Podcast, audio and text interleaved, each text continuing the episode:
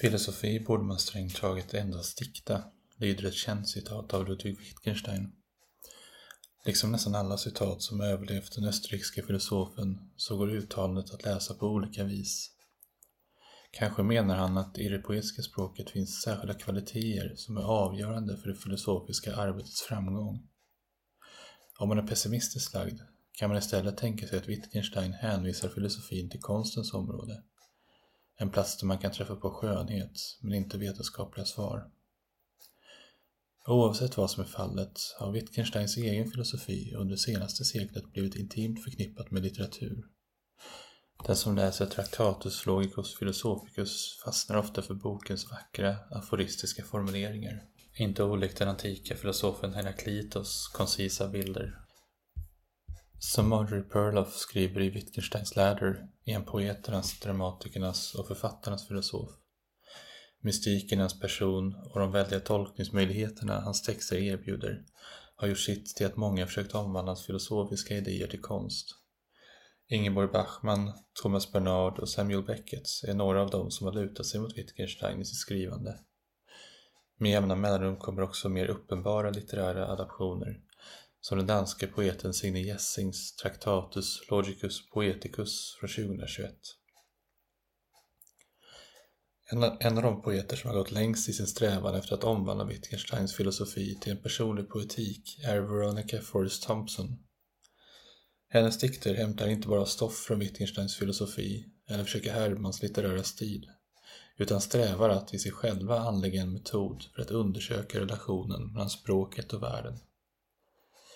Veronica Forrest Thompson föddes 1947 och växte upp i Skottland. Under studietiden kom hon först till Liverpool och sen universitetet i Cambridge där hon skrev sin avhandling, postumt utgiven som Poetic Artifice, A Theory of 20th Century Poetry. Forrest Thompson hann ge ut två diktsamlingar, Identikits och Language Games, innan hon blott 27 år gammal avled i en oavsiktlig överdos av alkohol och läkemedel. Efter hennes död publicerades ytterligare en diktsamling, On the Periphery, samt det kritiska verk som under senare tid blivit allt mer uppmärksammat inom brittisk litteraturkritik. Länge var hennes böcker mer eller mindre bortglömda och nästan omöjliga att få tag på. Men ett nyväckt intresse för Forrest Thompson har under senare tid bidragit till att diktsamlingarna och Poetic Artifice kommit till nya utgåvor. Forrest Thompsons andra diktsamling, Språkspel, kommer nu ut på Chateau förlag i Sara Wengströms noggranna svenska tolkning. Boken är tunn till omfånget. Den består av 19 dikter och ett kort efterord där Forrest Thompson redogör för avsikten med sin poesi. Att poeten så tydligt förklarar sin teoretiska ståndpunkt kan tyckas akademiskt, men speglar det ingrepp Forrest Thompson önskade göra i den splittrade hållning till poesin som präglade hennes tid. På ena sidan fanns de mer realistiska poeterna, Philip Larkin, Teddy Hughes, som framhöll avbildandet av världen som poetiskt ideal. På andra sidan fanns avantgardisterna, som höll experimentet och språkets form över innebörden. Mellan dessa två slog Forrest Thompson in på en tredje poetisk linje. En som varken önskar återge den värld vi ser omkring oss eller övergå i fullständig meningslöshet. I den dikt som fäster uppmärksamhet både vid världen som sådan och det språk som skildrar den fann Forrest Thompson utrymme för att kunna utforska vad själva dikten gör, hur dess eget språkspel verkar och hur intertextuella element kan samverka för att skapa ny mening.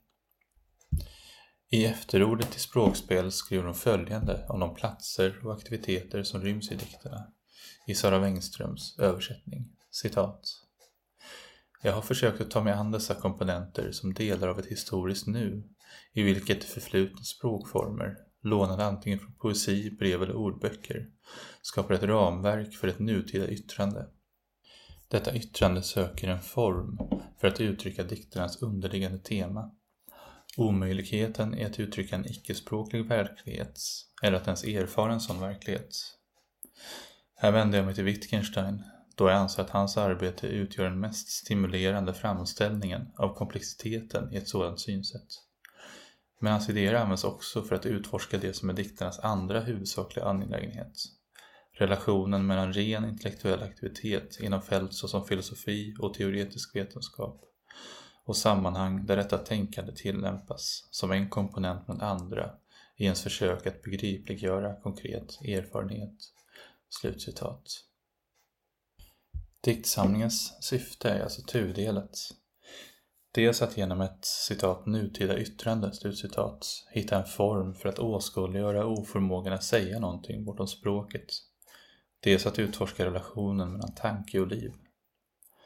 Båda dessa föreställningar hänvisar Forrest Thompson till Wittgenstein. Den första idén anspelar på ett grundläggande problem i Traktatus. Om ingenting kan sägas om det som ligger bortom språkets logiska gränser, hur kommer det sig då att Wittgenstein anser sig förmögen att beskriva denna gräns? Som Frank P. Ramsey, som översatte Traktatus till engelska, senare skulle invända, citat. Det man inte kan säga kan man inte säga, och man kan inte vissla det heller, slutcitat. Den andra tanken tycks anspela på den senare Wittgenstein, som i den postumt utgivna filosofiska undersökningar myntade begreppet språkspel för att åskådliggöra ordens förmåga att ändra innebörd beroende på i vilket sammanhang de används. Varje fält eller tillfälle är sitt eget spel där språket formar sig efter de förväntningar och inre koder som just det tillfället utgör. Det är ett ambitiöst, cerebralt sätt att se på diktning. Högtravande skulle man kunna tillägga. Instrumentell poesi sammansatt som ett mekaniskt urverk, där varje pendel och hammare har en roll att spela. Så vi låter själva dikterna. Till skillnad från inramningen är de lättflytande, melodiska, ofta humoristiska. Den inledande dikten Michael's Mass börjar så här. Citat. Tusensköna, trädgårdsaster med en buskig uppsyn. Oktober, med massor av små lila blommor. Koltrast, ringtrasten. Krokus, höstkrokusen. Måne, skördemånen. Michael's Mass, here on land why nodes. Se Earl Scythen of their offer she. 1123. Massor av små lila blommor. Ringtrasten, höstkrokusen, skördemånen. Slutcitat. Citatet får vi förklara till en avslutande parentes är hämtade från uppslagsverket Oxford English Dictionary, även om det inte är tydligt exakt vilka delar av dikten som består av citat. Collaget med uppslagsorden som står uppradade efter varandra, speglade i sina nästan synonymer, för tankarna till en slags schematisk bild av ett landskap. Den strof som är skriven på fornengelska och som naturligt nog har lämnats oöversatt anspelar på ett skördefirande som utspelade sig för nästan tusen år sedan. Därpå följer de nyss skrivna uppslagsorden, men nu i löpande form, som en rakare och därmed mer bildlik beskrivning av en plats. Med dessa instick av främmande formuleringar, fotnoter, dolda och redovisade citat och hänvisningar bygger Forrest Thompson sina dikter till kompositioner av såväl främmande som bekanta element. Effekten är inte olik hur kända modernistiska verk som T.S. Eliots myriad av hänvisningar i Rödelandet eller Joyces språklekar i Finnegans Wake växlar mellan stilarna för att skapa rymd i språket. Vad Forrest Thompson vill visa, utöver det hon nämner i sin kommentar, är möjligtvis hur poesin utgör sitt eget språkspel som varken kan eller önskar förmedla någonting annat än sin egen språkliga form. I Poetic Artifice argumenterar hon för att poesi inte ska framhäva ett yttre sammanhang bortom dikten, utan istället vila mot sin egen värld av bilder, allusioner och anspelningar. Det låter i sig som ett eko av Wittgensteins ord om poesin som ett särskilt språkspel. Citat. Glöm inte att en dikt, även om den är skriven med förmedlandets språk, inte är att betrakta som en del av det språkspel som är förmedlande. Slutcitat. Man undrar dock emellanåt vad som är det yttre och vad som är det inre i Forrest Thompsons dikter. Ska man tänka sig de ständiga hänvisningarna till filosofiska idéer som idéer i sig själva, eller helt enkelt symboler för en tankevärld? Är de innehåll eller form? Ibland tycks själva stoffet vara betydelsebärande, som i dikten Ankor och harar. Citat. I strömmarna, se, där simmar ankhararna. The millrace, we grant a place Kastar dem från form till form. Kroppar löses upp i skum. Slutcitat. Titeln på dikten anspelar förstås på den kända ankaren. Teckningen som antingen föreställer en anka eller en hare beroende på hur man betraktar den. Illustrationen är en metafor för vad som sker när vi tolkar våra sinnesintryck. Genom att byta mellan den ena och den andra gestalten formar vi vår omvärld. Uppmaningen se i diktens inledning pekar mot det som händer när vi iakttar någonting ur olika perspektiv. Hur vi kastar det från form till form. Noten efter i strömmarna hänvisar i sin tur till ordet medvetande. Vi ska således tänka oss bilden som en medvetande ström där vi tolkar och omtolkar det vi ser. I det här fallet inte kvarnen vid Granta Place i Cambridge, utan diktens hänvisning till kvarnen vid Granta Place. Gör då dikterna vad de säger sig vilja göra. Samma kritik som mötte en tidigare Wittgenstein och Traktatus kan riktas mot Veronica Forrest Thompson. Hur uttrycker man citat, omöjligheten i att uttrycka en icke-språklig verklighet? Slutcitat. Hur säger man det som inte kan sägas? Även om få skulle komma på idén att skriva en lagbok i form av en sonettkrans är det knappast så enkelt att poesin existerar enbart inom sina egna murar.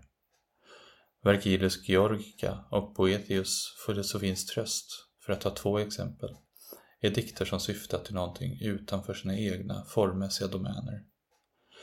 Att Forrest Thompson måste förklara sin avsikt i en efterföljande kommentar sätter fingret på den ömmande punkten. Det dikten inte gör har den heller inte i uppgift att göra. Med det sagt är språkspel som poesi betydligt mer lyckad än som teori. En fördunklad idé behöver givetvis inte innebära att själva utförandet saknar ljus. Forrest Thompsons sökande efter sitt gåtfulla, historiska nu leder henne till ett språk som här och var förbluffar. Hon påminner i sin intellektuella, koncisa stil om Wallace Stevens eller Samuel Beckett och man anar hur hennes grepp med att ställa ord och symboler från vitt skilda perioder och platser mot varandra har inspirerat en nutida låtskrivare och poet som P.J. Harvey. Det är lätt att se varför Veronica Forrest Thompson först nu har blivit ett stort namn i den engelska poesin, snart 50 år efter hennes död. En dikt som fraslexikon har någonting än idag modernt, framåtsyftande över sig. Citat. Ord är en monstruös utväxt. Allt grönt är utsträckt. Det är aprikos, apelsin, citron, oliv och körsbär och andra ormar i det lingvistiska gräset. Också en vit touch av marmor som inte frammanar några spöken. Smaken av bläckfisk. Den Gå din väg. Jag ropar på polis. Akrokorintos som inte frammanar några jätter under citronträden. Värld är en monstruös utväxt. Han följer efter mig överallt. En Nescafé och 20 atenare. Allting grönt. Det är inte mitt fel. Låt mig vara. Jag stannar här. Jag vägrar en grön utsträckning. Akta dig. Jag har betalat dig. Jag har betalat dig nog. Hav, sol och oktopodi. Allomorferna står som spön i backen. Var är den brittiska ambassaden? Slutcitat. Den här recensionen är originalpublicerad på www.ornenochkrakan.se under ansvarigt utgivarskap.